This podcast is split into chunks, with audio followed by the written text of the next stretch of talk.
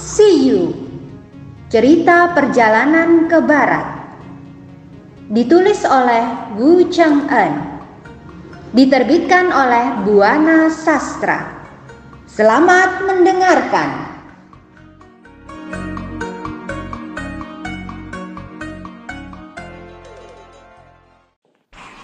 Bab 100 Rombongan Tong Sancong kembali ke Tiongkok dalam perjalanan pulang, Tong Sancong mengalami sengsara terakhir. Saat Guan Yin berada di luar biara Buddha, ia berjumpa dengan semua dewa yang selama ini menjaga Biksu Tong dalam perjalanannya dari timur ke barat. Rupanya, mereka menghadap pada Dewi Guan Yin Po karena ingin mengembalikan mandat tugas mereka yang telah diselesaikan dengan baik. Ketika Dewi Guan Yin menerima kembali penyerahan tugas para dewa itu, ia sangat gembira sekali. Bagaimana hasil pengamatan kalian ketika mengikuti perjalanan Tong Sancong yang kalian kawal itu? Tanya Dewi Guan Yin. Kami kira Dewi Guan Yin lebih maklum dari kami. Jadi dengan sendirinya Dewi Guan Yin sudah mengetahui seluruhnya. Jawab mereka dengan merendah.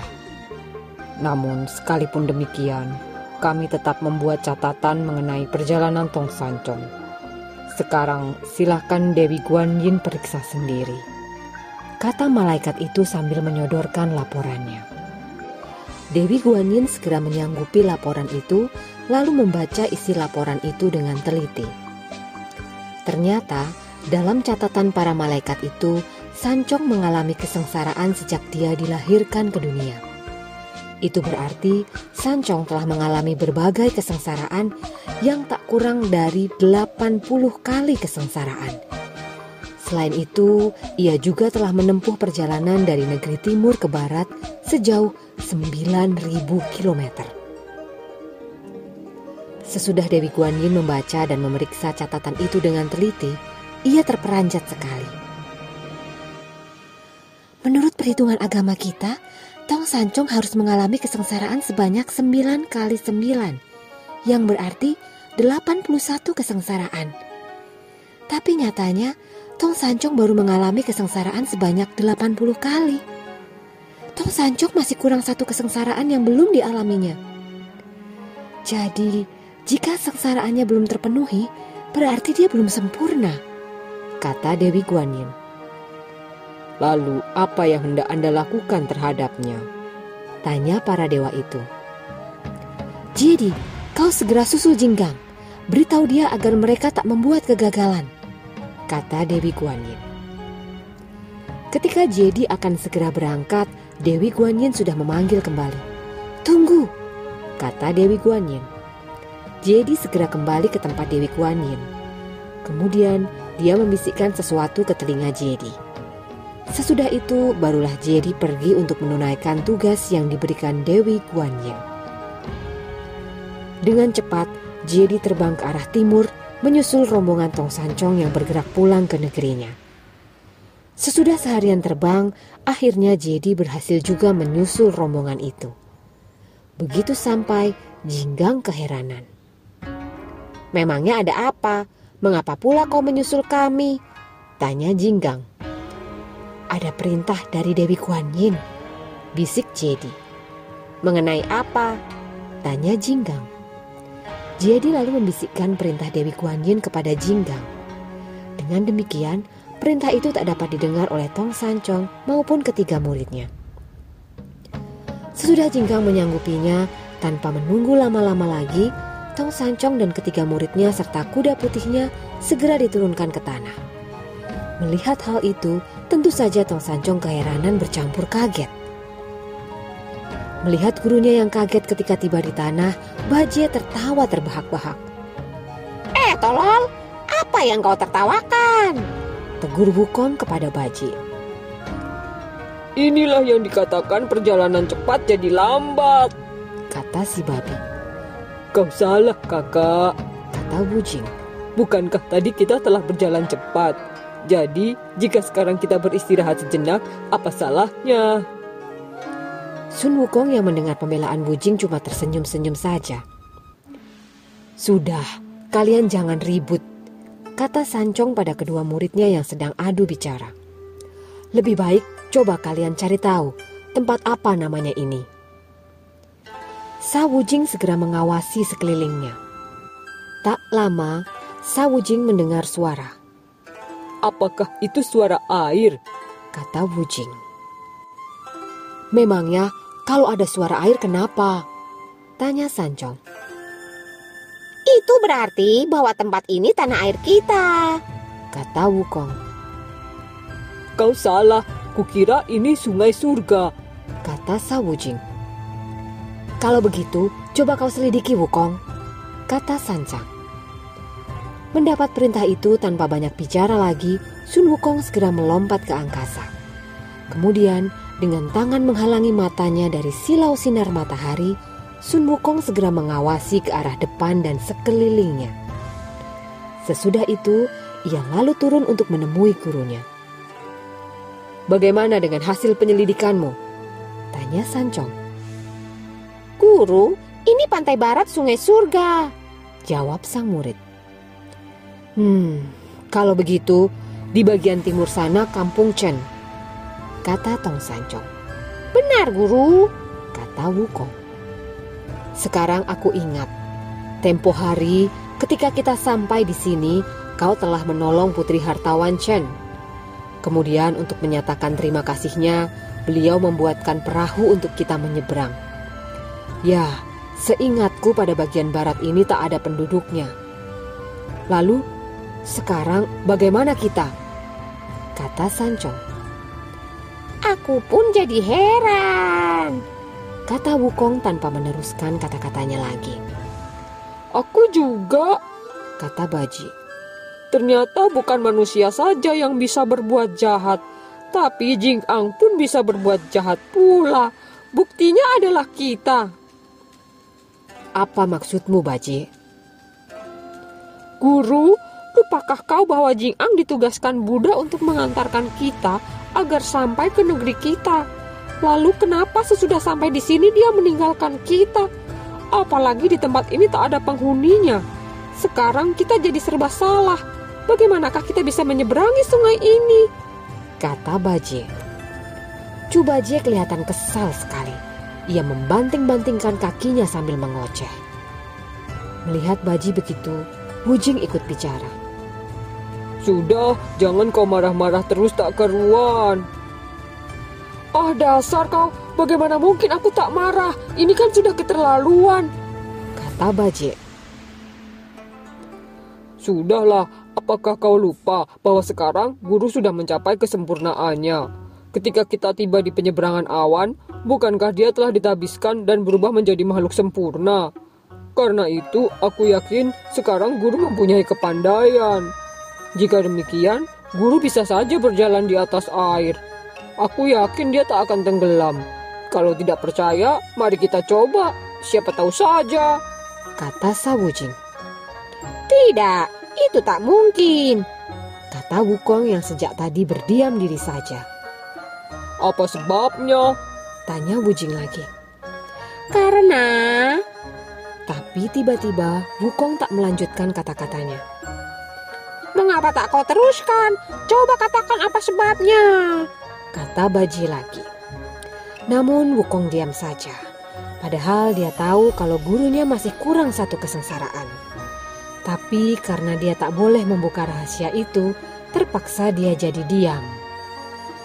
Lalu apa yang harus kita lakukan sekarang? Tanya Sawujing. Mari, kata Wukong. Mereka pun segera berjalan ke tepi sungai sehingga akhirnya mereka tiba di pinggir sungai. Ketika Tong Sancong sedang mengawasi ke sekelilingnya dalam keadaan bingung, tiba-tiba terdengar suara yang memanggil-manggil. Tong Sancong, mari. Dengan cepat, Tong Sancong menoleh ke arah suara panggilan itu. Namun, ketika ia melihat ke arah itu, di sana tak ada siapa-siapa. Tiba-tiba ia kaget sebab dari permukaan air sungai itu muncul seekor binatang aneh yang berkepala putih. Dalam keheranan, Tong Sancong dan ketiga muridnya mengawasi makhluk itu. Oh guru, padahal sudah bertahun-tahun aku menunggumu di sini, tapi baru sekarang guru tiba, kata binatang itu. Mendengar kata-kata binatang itu, Sun Wukong tertawa. Ternyata Wukong mengenali binatang yang dahulu pernah menyeberangkan mereka ketika mereka ingin menyeberangi sungai itu. Oh, kiranya kau. Dulu pun kami membuatmu susah karena memintamu untuk membantu menyeberangkan kami. Tapi sekarang kita bertemu kembali di sini, kata Wukong. Melihat binatang yang dahulu pernah menyeberangkan mereka, Tong Sancong bersama Baje dan Bujing jadi sangat girang. Akhirnya Sun Wukong berkata lagi, Hai makhluk aneh, jika benar kau hendak membantu kami lagi, marilah kau naik ke darat, kata Wukong.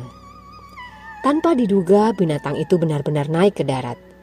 Mari, kata Wukong.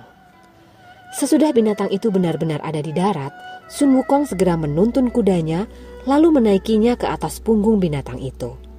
Dengan sabar, binatang itu menunggu sampai semua naik. Ternyata binatang itu bagai binatang raksasa. Cubaje duduk di belakang dekat ekor binatang itu, sedangkan Tong Sancong berdiri di samping kudanya. Di dekat leher binatang itu berdiri Sawujing dan Sun Wukong yang berdiri paling depan. Kaki yang sebelah menginjak kepala binatang itu, sedang yang sebelah lagi menginjak lehernya. Sesudah semua tumpangannya berada di atas punggungnya, maka mulailah binatang itu bergerak dan masuk ke air hingga akhirnya ia bergerak ke tengah air. Walau binatang ini bergerak dengan keempat kakinya, dengan leluasa ia bisa berenang. Selain itu, ia juga bisa berjalan cepat bagai di darat saja. Dengan cepat, binatang itu terus bergerak menyeberangi sungai dari barat ke arah timur. Tapi, ketika mereka tiba di tengah-tengah sungai, Tiba-tiba binatang itu berbicara. Dahulu ketika aku menyeberangkan kalian, bukankah aku pernah meminta agar kelak bila kau bertemu dengan Buddha, tolong kau tanyakan bagaimana nasibku kelak.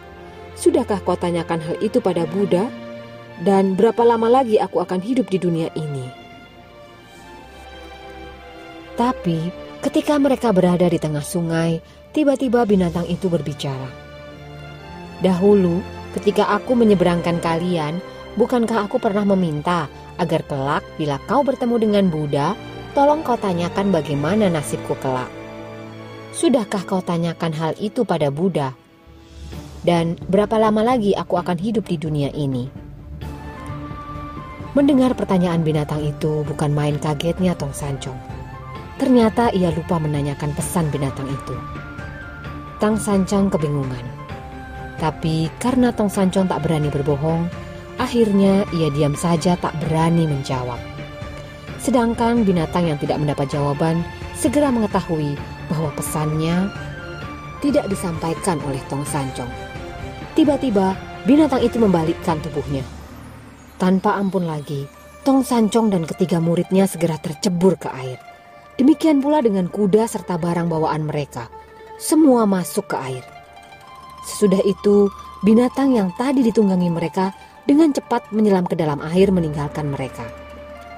Namun demikian, Tong Sancong tidak tenggelam ke sungai karena dibantu oleh kuda putihnya yang berasal dari naga, ia bisa timbul ke atas air. Chu Baji dan Sawucing yang memang pandai berenang segera berenang dengan gembira. Akhirnya, sambil tertawa, Wukong segera mengangkat gurunya. Lalu ia terbang membawa gurunya ke darat. Tapi sayangnya, buntalan dan pakaian mereka semua basah terendam air. Namun, belum lama mereka berada di daratan, tiba-tiba angin badai bertiup hingga kabut menutupi awan dan guntur sambar menyambar membuat mereka ketakutan. Bahkan, pasir dan batu-batu pun berterbangan. Melihat hal itu, Tong Sancong ketakutan dan dengan erat dipeluknya bungkusan kitab-kitab itu. Wujing menindih pikulan kitab itu. Cubaje juga memeluk buntalan pakaiannya sambil memegang tali kekang kuda putih. Sun Wukong yang seperti biasa selalu bersiaga, segera memutar toyanya untuk melindungi diri dari berbagai kemungkinan yang bisa terjadi. Dengan cepat, ia melindungi gurunya. Kiranya gangguan itu datang dari para iblis yang hendak merampas buntalan kitab mereka.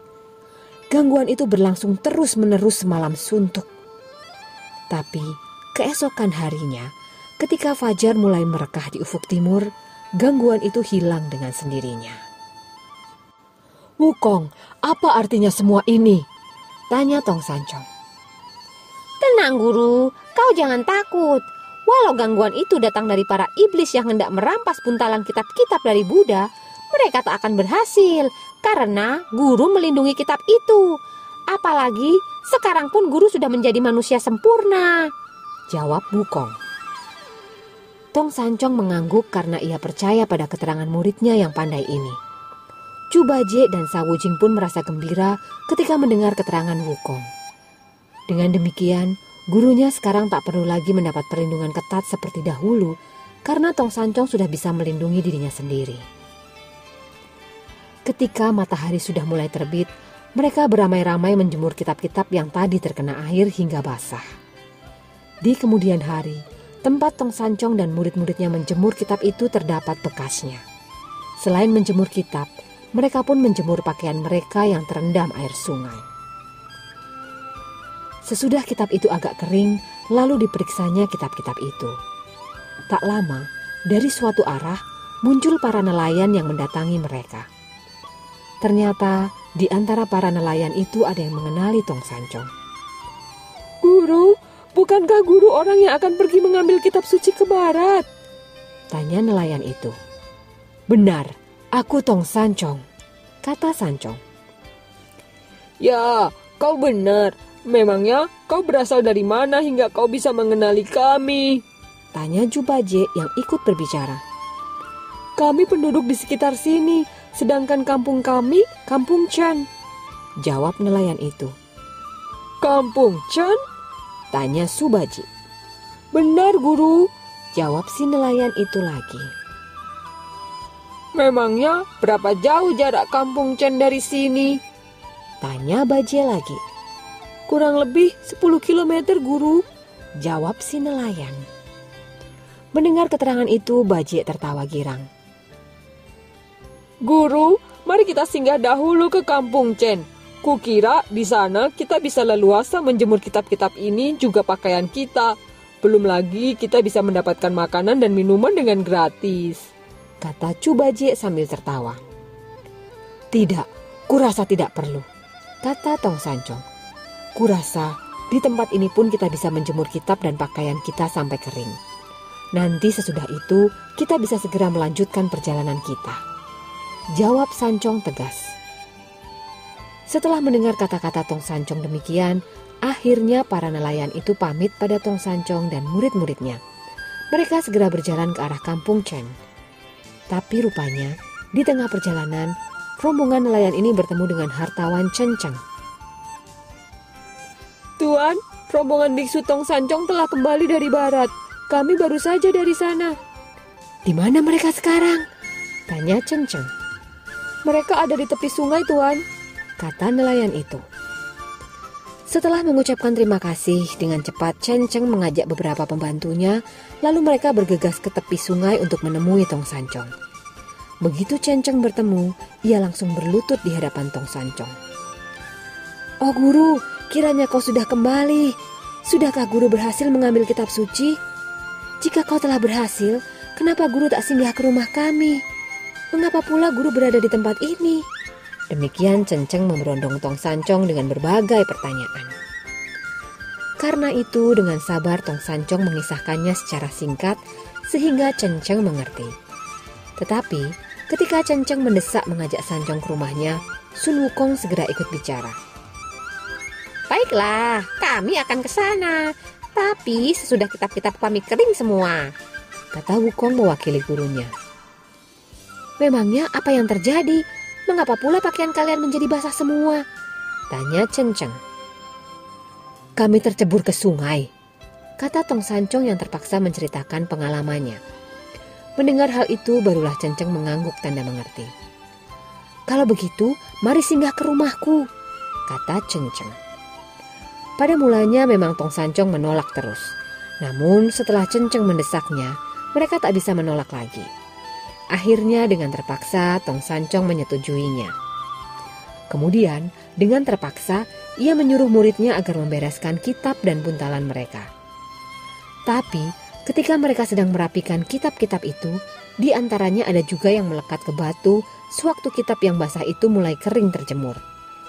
Dengan perlahan mereka mencoba mengambil, tapi tak urung ada juga halaman-halaman kitab yang sobek karena melekat di batu.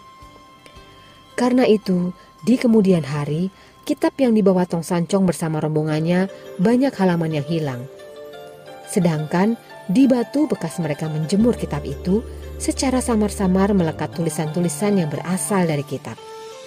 Kitab-kitab itu akhirnya menjadi kurang lengkap. Ah, sayang sekali.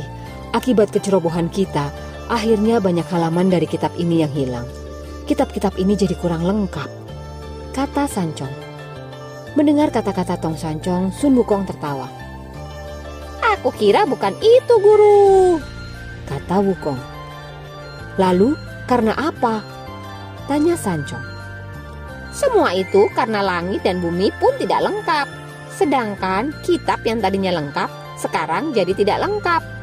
Kukira halaman yang robek dan hilang itulah yang menunjukkan ketidaklengkapan itu.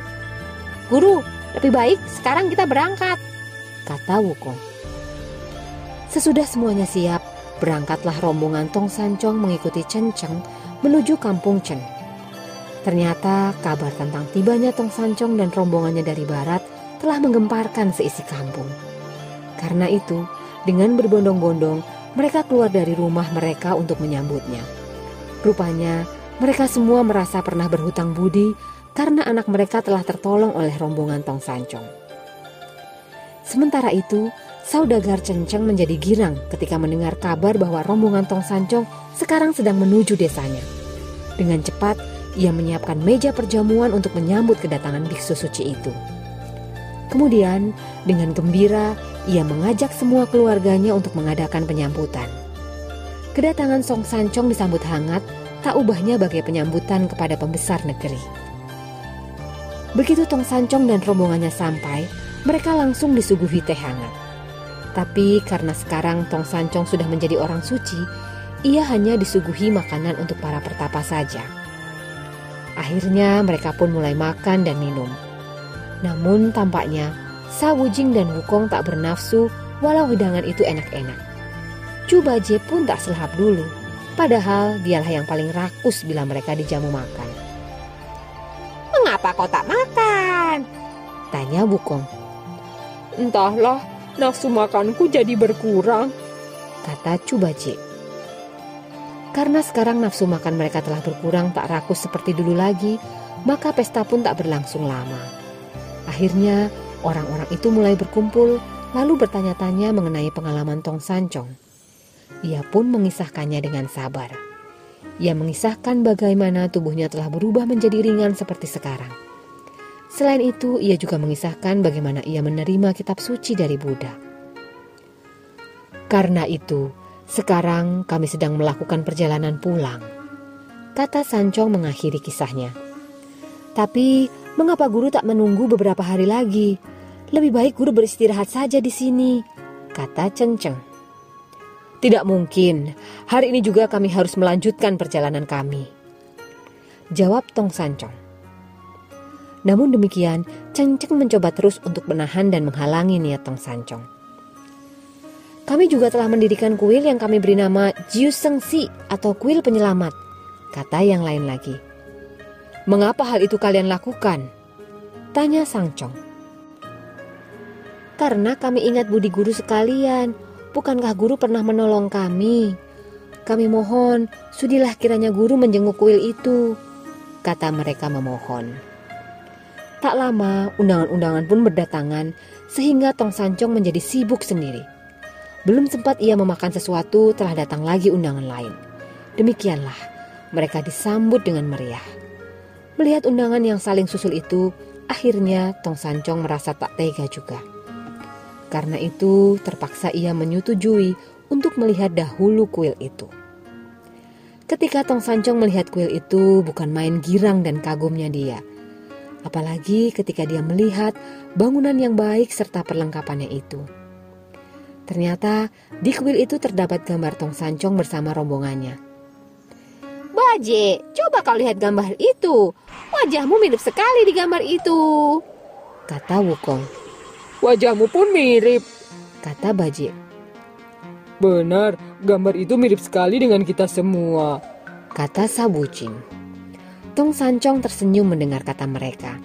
Akhirnya, ia ajak ketiga muridnya untuk pergi ke belakang kuil untuk melihat bagian belakang kuil itu. Bagaimana dengan kuil raja besar? Tanya Wukong. Sayang, kuil itu sudah rusak, kata seseorang. Sesudah keberangkatan guru, kami mendirikan kuil ini Ternyata desa kami menjadi makmur, kata seorang penduduk. Ya, kukira semua ini berkat guru semua, kata yang lain. Bukan, itu bukan berkah dari kami, tapi berkah dari Tian, kata Wukong. Soal kemakmuran dan keberkahan tak ada sangkut pautnya dengan kami.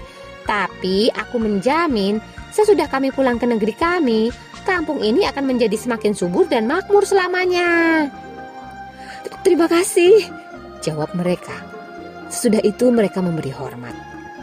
Selama mereka berada di kuil itu, orang-orang berdatangan sambil membawa buah-buahan dan bunga sebagai persembahan mereka.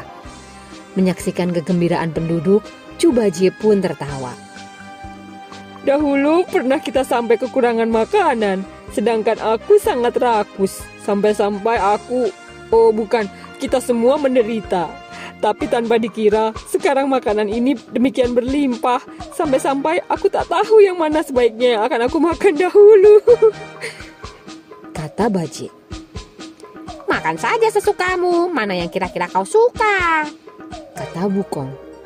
Tapi perutku ini, aku pun jadi heran, kenapa sama... Tapi perutku ini, aku pun jadi heran kenapa nafsu makanku jadi berkurang sekarang. Kata Baji. Dia bohong, kata Sabujing. Memang kenapa? Tanya Wukong. Tentu saja dia tak mampu makan lagi, sebab dia sudah menghabiskan 30 buah bakpao. Jawab Sabujing sambil tertawa. Mendengar kata-kata Sabujing semua tertawa girang. Ketika mereka kembali ke rumah Cheng Chen pun, undangan itu masih terus berdatangan. Rupanya mereka ingin mengajak Ton Sancong agar datang ke rumah mereka. Namun dengan manis, Tong Sancong menolaknya. Malam ini kami harus beristirahat. Maafkan aku, kata Sancong. Akhirnya terpaksa mereka bubar dengan hati kecewa.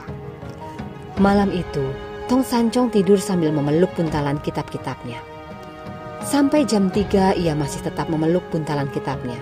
Tak pernah sekejap pun ditinggalkan. Tapi tak lama, Diam-diam Sancong berkata kepada Wukong. Wukong, kukira kita tak boleh tinggal lama-lama di sini. Kita harus segera melanjutkan perjalanan kita.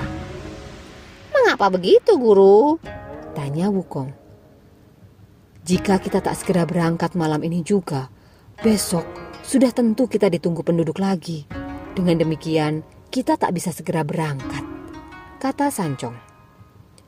Guru benar, kalau begitu, mari kita berangkat secara diam-diam. Ulang. Guru benar. Kalau begitu, mari kita berangkat secara diam-diam. Kita akan terhindar dari gangguan mereka. Kata Wukong. Tang Sancong setuju sekali. Mereka berangkat subuh itu juga. Sesudah itu dengan cepat Wukong membangunkan kedua saudara angkatnya. Ketika mereka bangun, Wukong berkata, Mari berangkat sekarang. Dengan demikian, kita tak akan diganggu lagi oleh mereka. Baiklah, mari kita berangkat. Kata mereka sepakat. Sesudah menyiapkan bawaannya, kuda mereka pun segera disiapkan. Secara kebetulan, saat itu Cenceng dan semua penduduk sedang tidur nyenyak. Rupanya mereka sangat lelah sehabis mengadakan penyambutan.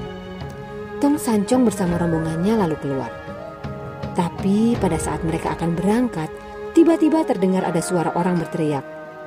Hei, tunggu! Kalian mau pergi ke mana? Lebih baik ikut aku!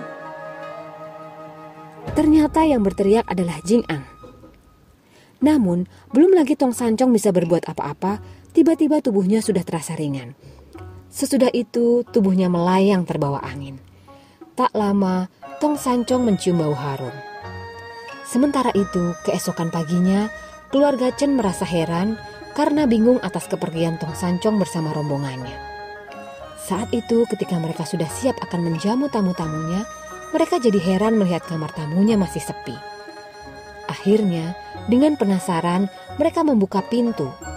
Ternyata sang tamu sudah tak ada di situ. Ketika mereka mencoba mencarinya, tetap sia-sia. Heran, ke mana perginya mereka? Tanya mereka. Sayang kita kurang hati-hati. Sekarang tanpa setahu kita, mereka sudah pergi. Kata Cenceng. Kemudian mereka mengadakan sembahyang di kuil. Hal itu mereka lakukan setiap tahun sebagai peringatan atas kebaikan mereka itu.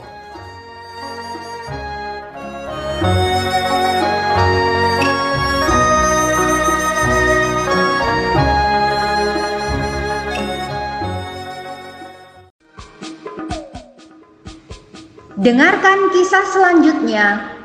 Terima kasih.